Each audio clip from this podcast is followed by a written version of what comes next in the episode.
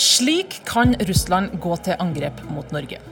Russisk militær maktdemonstrasjon nær grensen til Nato. Mer Nato-overvåkning i nord. Ingen vil si om det skyldes ny russisk ubåt. Hvilket bilde gir norske medier oss av Russland? Og hvordan er det å rapportere om russiske forhold som journalist, både fra Norge og Russland? Det er litt av det vi tenker å finne ut av i denne ukas utgave av Kurer, som for øvrig befinner seg på den nordnorske mediekonferansen Svarte natta, midt i Tromsø by. Og med oss her i Tromsø har vi bl.a. du, Amund Trellvik. God dag. God dag. Du jobber jo som reporter i NRK Finnmarks kontor i Kirkenes. Og du som bor og jobber så å si rett ved den russiske grensa. Hvordan ser du på norske medias generelle dekning av Russland? Noen eksempel fikk du høre her i starten av programmet. Noe av eh, den norske dekningen av Russland syns jeg er god. Men òg eh, en del av dekningen syns jeg er mangelfull. Den er dårlig. Eh, det er et dårlig håndverk ofte. Og det er ofte journalistikk som er basert på eh, å bruke andre primærkilder enn de russiske. Og da tenker jeg på eh, norsk dekning av Russland, som da går gjennom en engelskspråklig amerikansk eller engelsk avis ofte. Fordi? Det handler nok i stor grad om at man ikke behersker russisk språk sjøl, og ikke kan oppsøke primærkilden. Mm. Men hvis du sjøl kunne fått lov til å være korrekturles i alle norske eh, mediehus. Hvordan ville du nyansert dette bildet av Russland? Russland er et ekstremt viktig land for Norge. Det er vårt naboland. Veldig mye av det som handler om norsk utdanningspolitikk, er i stor grad styrt av Russland. Norge har per i dag to faste korrespondenter i Moskva. Moskva er et, eh, Russland er et vanskelig land å jobbe i. Eh, og det eh, Jeg skulle gjerne brukt de pengene på å opprette flere journaliststillinger i mm. Russland. Du, Vi har vært litt rundt forbi i Norge. Vi har spurt folk på gata på Notodden, i Trondheim og Tromsø og spurt hvordan deres inntrykk av Russland er, basert på norsk mediedekning. Jeg tror det er lett gjennom norsk media å få inntrykk av at Russland er en, er en en slags røverstat som eh, er full av korrupsjon, og som eh, hovedsakelig er eh, opptatt av å utvide sitt, sitt rike, og kanskje prøve å få tilbake gamle sovjetstaten, bl.a. gjennom eh, måten norsk media har dekt eh, okkupasjonen av eh, Krimhalvøya.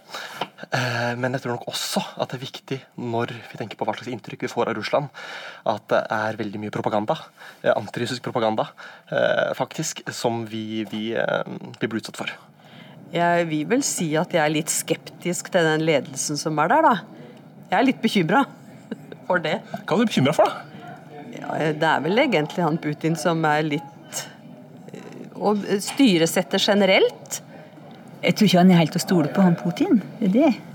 Jeg syns han er litt skummel. Jeg tror han sier noe og gjør noe annet mange ganger. Jeg føler at det er litt, eh, litt mer utrygt nå enn det var før.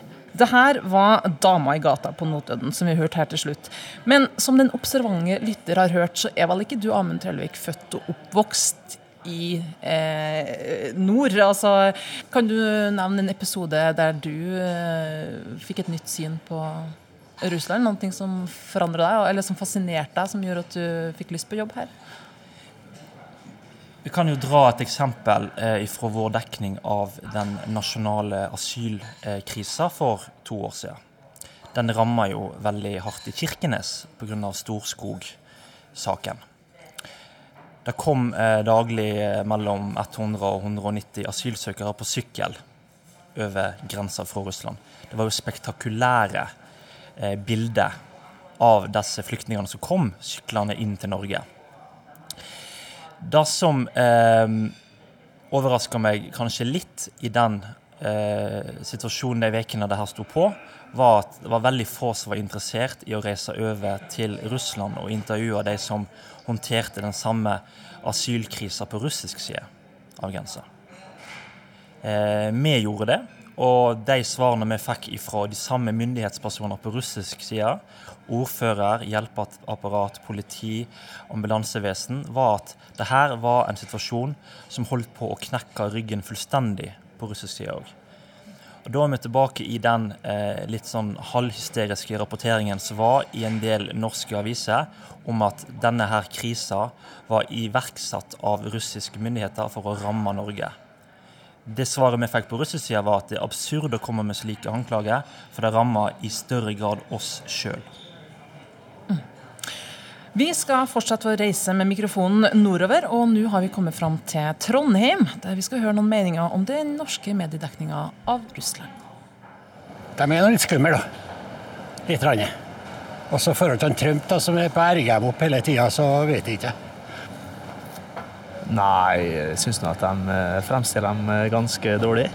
Så av de sakene som kommer opp, så er det meste retta ja, ikke veldig positivt for Russland sin del. da. Eh, det er litt eh, kritisk, da. Eh, det ser kanskje verre ut enn det er. Fra gata i Trondheim til et bord i Tromsø. Da har det kommet en ny mann til bordet. Eh, velkommen til kurer, Lars Rove, forsker ved Fridtjof Nansens institutt. Du har skrevet essay om eh, det norske mediebildet av Russland. Men for dem som ikke leste akkurat den utgaven av fagbladet Nordisk Østforum der det ble publisert. Kan du gi et kort Ennå ikke sammendrag? Ennå ikke publisert? Nei, da må du i hvert fall gi oss et kort sammendrag. Mitt inntrykk er at norske medier i all hovedsak har taklet dette rimelig greit. Eh, alarmismen, som selvfølgelig alltid vil være til stede når et land eh, annekterer jord på det europeiske kontinent, var i den første fasen opplagt eh, rettferdig gjort. Så må man jo selvfølgelig etter hvert roe seg litt ned og få litt klarere hode. Og det syns jeg også har gått rimelig greit i norske medier. og mye av æren for det gir jeg faktisk den norske militære etterretningstjenesten, som gjennom sine rapporter eh, hele tiden har hatt et eh, hva skal vi si bekymringsbilde av det som foregår, men samtidig også har framholdt at Russland ikke er interessert i å invadere Norge osv. Men så finnes det, hvis vi her skal snakke om medier, så finnes det dynamikker for meg som utenforstående synes det å være dynamikker som, som kanskje ikke alltid er like hensiktsmessige. Altså man, eh, man er veldig opptatt av overskrifter, f.eks. Og jeg har jo brakt, bringer jo en del eksempler i den artikkel på det.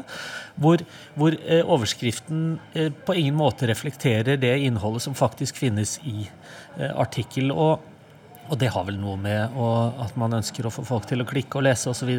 Mm. Du, Vi må snakke om eh, 18.10 i år. For da var dag, hovedsaken på morgenen at Russland hadde simulert et angrep på Svalbard, ifølge nettstedet aldrimer.no. Og Det var en sak som fikk store oppslag i de fleste norske medier, men som senere eh, ble avvist av sjefen i Etterretningstjenesten med sitatet det er ikke ofte jeg leser en nyhetssak i norske medier som har så mange feil i seg som denne saken. Hvordan skal en vanlig mediekonsument vite hva som var sant, og hva som ikke var det i denne saken? Nei, Det er jo veldig vanskelig, og det har noe med journalistikk som baseres på eh, ikke-offentliggjorte kilder. Eh, etterprøvbarheten forsvinner. Man er rett og slett ikke i stand til å verifisere innholdet i det budskapet som formidles. Og det er høyst problematisk, vil jeg si, i eh, alle, i alle saker, men, men, men, har blitt eh, etter hvert ganske vanlig å gjøre i dekningen av Russland. I de her enkeene som vi har hørt nå, så er det flere som nevner ordet skummel. Kan det finnes noen som har en interesse av at Russland og russere fremstilles som mer skumlere enn de egentlig er? Eh, ja, det er jo åpenbart sånn at uh, tilhengere av et uh, forsterket forsvar i nord ville være interessert i å fremheve den russiske trussel. Uh, nå sier jeg ikke at den er ikke-eksisterende, eller at, den, uh, at, det ikke kan være en realitet i det, men, men, det vil da åpenbart være i den sidens interesse. men når det kommer til disse anketene som vi har hørt, så, så må jeg si også at de reflekterer en ganske oppmuntrende evne til kritisk vurdering av det man blir servert av norske medier i den norske befolkningen, noe som gjør meg glad. Bare vent, vi kommer til Tromsø. Ja. Da skal vi vende nesa bort fra vår egen navle og se litt utafor Norges grenser. For én ting er å sitte i Norge og skrive om Russland, men hvordan er det å leve og jobbe i Russland som journalist? Sjefsredaktør Dmitriv Muratov og journalist Tatjana Britskaja jobber begge i den regimkritiske avisa Novoja Gazeta. Min kollega Lars Erik Ertsgaard Ringen har møtt dem. Нет, мы не монополисты на свободу слова. Кроме нас, безусловно, в стране есть газеты, которые ведут самостоятельную политику.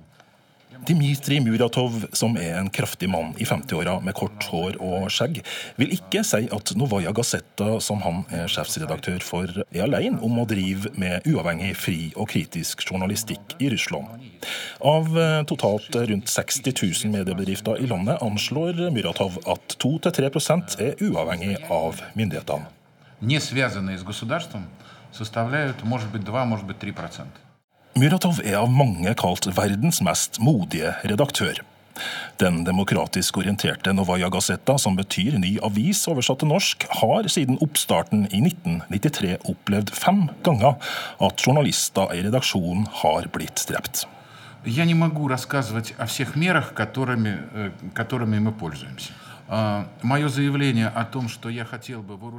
Muratov sier at han ikke kan fortelle om alle de tiltakene avisa nå har tatt i bruk for å sikre journalistenes liv i framtida, men han er åpen om at han har tatt til orde for bevæpning av redaksjonen. Et utspill som førte til en oppheta diskusjon i Russland. Redaktøren er klar på at journalister bør ha rett til å gå med våpen for å beskytte seg sjøl. Han smiler litt da han forteller at våpenfabrikken som lager de berømte Kalasjnikov-geværene, kontakter han for å gi redaksjonen et godt tilbud.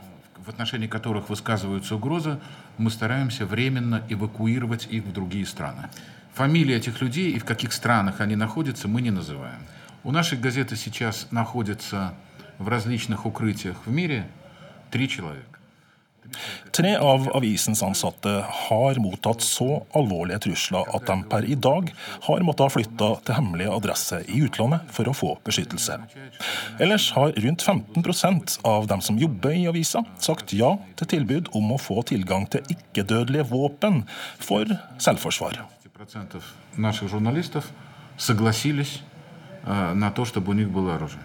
Da Kurer spør hva slags råd han har til sine redaktørkollegaer i Norge i dekninga av Russland, svarer Muratov kort og direkte. Ikke generaliser. Не пользоваться стереотипами. Отношение к элите начинает переноситься на отношение к народу. Это неправильно. У нас прекрасная страна, прекрасный народ. Мне кажется, я еще Tatjana Britskaja, som jobber for eh, Novaja Gazeta i Murmansk, sier at eh, hun ikke er en like synlig og berømt journalist som de fem kollegaene som har blitt drept. Derfor er hun ikke redd for sitt eget liv, sjøl om hun er gravende journalist. Men om det skulle bli behov for beskyttelse, uttrykker hun at hun er trygg på at ledelsen i Moskva vil beskytte henne профессия у нас непредсказуемая, но в этом смысле меня всегда спасает ощущение, что редакция э, все контролирует, э, поможет, защитит, и в случае любой э, критической ситуации я знаю, что я получу помощь от редакции. Når vi hører om de her tilstandene som mine russiske kollegaer lever under, er det egentlig så rart at vi blir litt skeptiske til Russland? Nei, på ingen måte, og det er det da også all grunn til å være. Hvis, særlig hvis man da Eh, legger til grunn de prinsippene som vi mener skal være rådende i et samfunn, da vil jo veldig mye av den russiske samfunnsutviklingen framstå som eh, eh, helt uakseptabel. Så ja, skepsis er i aller høyeste grad sunt. Men nå er det nå engang ikke våre regler som gjelder i Russland. Det er russiske regler som gjelder i Russland. Og det kan man selvfølgelig gjennom ulike aktivistorganisasjoner og menneskerettighetsorganisasjoner osv. arbeide for å forandre. Men vi er nødt til å se det i øynene at sånn er det. Eh, jeg syns at disse journalistene som her har latt seg intervjue, selvfølgelig er eh, modige eksempler. Som eh, forhåpentligvis også til etterfølgelse. Det er jo min, altså min bakgrunn som oppvokst i et demokratisk Norge tilsier at ja, Russland bør bli det samme som oss, selvfølgelig. Men Russland er ikke det samme som oss. Og det, det, det er eh, et, en mer interessant innsikt hvis man ønsker å forstå. Vi er ved veis ende ved vår gatemikrofons reise, og vi har spurt folk her i Tromsø om hvordan de ser på den norske mediedekninga av Russland. Mm, Jeg tror det er en sånn skremselspropaganda som utegår når det gjelder forholdet til Russland. Her oppe i nord så har vi ikke de samme tankene som det gjøres sørover. Det er vel eh, haussa opp ei stemning som gjør at det blir sånn på den måten. Vi som bor langt mot nord, vi har jo kanskje et, et relativt bra forhold til Russland enn en folk ellers i, lenger sør og i Europa, kanskje. Nei, som eh, tidligere sosialist så har han jo et forholdsvis bra inntrykk. Han Putin han er jo veldig sterk. Og han har jo, eh, han har jo god eh, støtte fra befolkninga i eh, Russland. Så. Ja, det var folk fra Tromsø, men med oss fra Oslo har vi nå fått med oss Brynjar Skjærli, nyhetssjef for utenriksstoff i VG. Velkommen til deg. Takk for det. Du, Tidligere i programmet så har du hørt at både Rove og Trellevik er litt kritisk til det her bildet av Russland som kommer fram i de store norske mediene. Og nå skal du få slippe å svare for alle norske store mediehus, for vi har spurt både TV 2, Dagbladet og NRK om å komme uten hell. Men hva tenker du og VG om denne kritikken? Føler du deg sjøl truffet av noe av denne kritikken? Ja, altså det, eh, det vil jeg jo på en måte si, fordi at eh, i eh, både det mediet som jeg representerer, eh, VG, og i alle andre norske eh, redaksjoner, så er det slik at vi skulle jo gjerne hatt et enda tettere bilde på det samfunnet som eh, Russland er. Men jeg tenker at eh, det som er litt viktig å ikke glemme oppi det der, da, det er at Eh, Vi blir alltid kritisert for å dekke visse områder eh, for lite. Altså, vi blir kritisert fordi vi ikke har nok fokus på Afrika. Vi blir kritisert fordi vi ikke har nok fokus på eh, Sør-Amerika. Eh, og det, blir, eh, det er kritikk for at vi kanskje ikke har nok fokus på sivilsamfunnet kontra politikken i eh, Russland. Så mye handler jo her om eh, prioriteringer, og vi er nødt til å prioritere. Og da er det klart at når det gjelder Russland, så har det jo av at eh, de har en leder som har satt seg selv på som, som en, en, en betydelig spiller på den verdenspolitiske arenaen, så er vi nødt til å følge de, den utviklingen eh, som skjer der. Eh, og da er det klart at det blir mer politikk enn eh, sivilsamfunn. Men når det er sagt, eh, så vil jeg si at eh, eh, noe av det som vi jobber etter, det er å prøve å lage journalistikk og reportasjer på vanlige folks påvirkning av den politikken som eh, blir eh, ført. Så vi er jo ofte i Russland og lager journalistikk på vanlige russere, og snakker med vanlige russere om hva de tenker. Tidligere i programmet så hørte vi om denne Svalbard-saken, og da var ikke dere like kjappe på ballen som mange av deres andre konkurrenter. For ifølge VG sine nettsider så ble første sak om denne nyheten publisert hele tre timer etter f.eks. Aftenposten, og det er jo et hav av tid i nettavissammenheng. Hvorfor, eh, hvorfor det? I alle sånne type saker eh, så ønsker vi å ha eh, kontroll på hva vi mener er kildebelagt.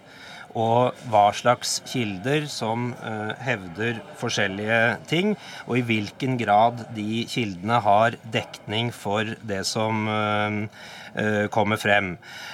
Og som en tommelfingerregel, uansett om det handler om russisk Et eventuelt russisk angrep, eller simulert russisk angrep på eh, Svalbard, eller om det er et terrorangrep eh, hvor som helst, hvor det også kommer eh, opplysninger som er basert på skjulte kilder, så har vi som regel i eh, vår redaksjon at vi da tar et skritt tilbake. Prøver å vurdere det her, her ut ifra de opplysningene vi sitter på, ut ifra de opplysningene som har kommet frem. Og så eh, tar vi en egen vurdering på hva vi eh, velger å gjøre. Og I det tilfellet her så valgte vi å vente. Og da spiller det ingen rolle hva andre gjør. Eh, ja, for Det spørsmålet må jeg stille til deg og Amund Trellevik. Altså, Hvordan skal norske medier manøvrere seg balansert når det omhandler tema med så mye skjulte kilder og hemmeligstempla informasjon? Nei, Da må jeg bare gjenta det jeg sa Eller da er vi jo tilbake til det som er kjernen i journalistikken, eh, sånn som vi ser den f.eks. fra Kirkenes. Og at Vi kan ikke legge igjen en Vær varsom-plakat hjemme når vi drar til, til Murmansk eller til Arkangelsk eller andre plasser i Russland og lager reportasjer. Det handler om å vite eh, hva du rapporterer, hvem som er kilden til det, og så forsøk å være balansert i den dekningen eh, du har. Eh, og Det er noe vi tenker veldig på når vi reiser rundt eh, i vår del av Russland, som vi da har et spesielt ansvar for å dekke, Nordvest-Russland, er òg å lage helt ordinære reportasjer om ordinære ting, om helt vanlige folk som lever sine liv. Og det er fordi at Russland og russere er blir sett på som en helt normal ting i den delen av Norge som vi rapporterer i. Vil du svare på det, Brynjan? Jeg er på mange måter enig i at det er, eh, det er viktig. Eh, men, men, det er klart at når Putin har valgt å gjøre det han har gjort i eh, Ukraina. Vi har disse cyberkrig-sakene. Eh, vi har Syria, hvor han valgte å gå inn på Assads side. Vi har alle disse valgpåvirkningssakene. Og vi har alle sakene med opposisjonspolitikere som Nemtsov og, og, og nå Navalny f.eks. Så er det klart at dette er ting vi må dekke. Men i tillegg så er vi jo, som jeg har uh, påpekt, der og prøver å snakke med uh, vanlige folk, uh, vanlige russere, om hvordan de opplever samfunnet. Men det er klart at mediene det handler først og fremst om nyheter. Det handler ikke i så stor grad om å fortelle hvordan et samfunn er. Jeg tok en liten Eh, en liten sjekk her over eh, hvor mange saker som er skrevet f.eks. om Russland. og hvor det jo jeg ser at det er jo skrevet mange flere saker i norske medier om Russland enn det det er gjort om Danmark eh, og Finland f.eks. Så vi vet jo ikke så mye om samfunnet i Finland heller. Lars Rove, når vi hører Brynjar Skjærli i VG her som snakker om eh, russisk mediedekning, altså, er det ikke naturlig at vi skal høre om den store politikken, eh, de spissa vinklene og de sensasjonelle overskriftene om, om Russland? Jo, jeg, jeg, jeg, må si meg enig i det. Jeg, det. det. forstår jeg godt at det er eh, dynamikken. Eh, men eh, hvis vi snakker om sensasjonelle overskrifter, da, f.eks., så, så må jo sensasjonen være reell, eller i hvert fall bevist, før man kaller det en sensasjon. Det refereres her til påvirkning av valg, det refereres til ulike handlinger da utført av russiske agenter, men det er påfallende lite dokumentert. Nå sier ikke jeg at vi skal frita russiske myndigheter for å bedrive hybridkrig eller cyberkrig eller noe sånt, men, men, men det er faktisk bare en eh, betinget nyhet, og betingelsen er jo at den lar seg dokumentere. Eh, så sensasjonene må være reelle, som sagt. Og, og, og da, da, da, kan man ikke fastslå i en overskrift f.eks. at Russland øvde på å invadere Svalbard. Man må eh, skrive at eh, Svalbard var muligens eh, av interesse for Altså, Da blir jo det selvfølgelig umiddelbart en veldig kjedelig overskrift. Jeg forstår at det finnes en logikk også i media, men, men, eh, men, men det samlede trykket, og jeg tror ikke VG er noe Tvert imot, jeg syns at norske medier, og inkludert VG, har vært rimelig balansert i denne ettertiden etter krim. Men, men, men det samlede trykket av disse aspektene ved mediedekningen. Og da tenker jeg særlig på overskrifter og, og sensasjon, eller alarmismen. Det blir et Russland som er fryktelig farlig, men det blir også Se, hører jeg på norske lyttere, eller eh, norske, våre venner i, i uh, ulike deler av landet, at det blir også kanskje et litt, litt uh, et, et, troverdighetsproblem etter hvert for norske medier. For som vi har hørt navn fra flere folk på gata, så blir navnordet propaganda nevnt. Altså, hva er sjansen for at det her fiendebildet som vi har, eller som noen har av Russland, er propaganda? Ja, altså Vi er jo åpenbart utsatt for russisk propaganda. Eh, det, det, er jo egentlig ikke så veldig viktig å diskutere. Det vet vi, at det kommer eh, hauger av usannheter fra den kanten. Men øh, jeg vil ikke, hvis vi ser på den andre siden, syns jeg det er mer interessant spørsmål. fordi øh, jeg vil ikke ta i bruk ordet propaganda så mye som jeg vil si at f.eks. vestlig etterretning, derunder amerikansk etterretning, har er styrt av ulike interesser og er faktisk i en svært utsatt posisjon store deler av tiden. Sånn at både deres egne interesser og den hva skal vi si, konspiratoriske virkeligheten de befinner seg i, vil farge deres tolkninger av verden, og særlig Russland. Det er jo eh, når deres budskap, som for øvrig også alltid er udokumentert i form av kilder, når det budskapet skal fordøyes og videreformidles til eh, befolkningen, så har jo, har jo pressen en veldig viktig tolkende rolle. Et filter. Og heldigvis er pressen også ofte flinke til å bruke oss som arbeider med dette fagfeltet, for å, for, for, og søker hjelp hos oss til å kommentere den typen uttalelser. Eh, så det er ikke sånn at redaksjonene må ha all kompetansen hos seg selv. Det får bli siste ordet her fra Tromsø.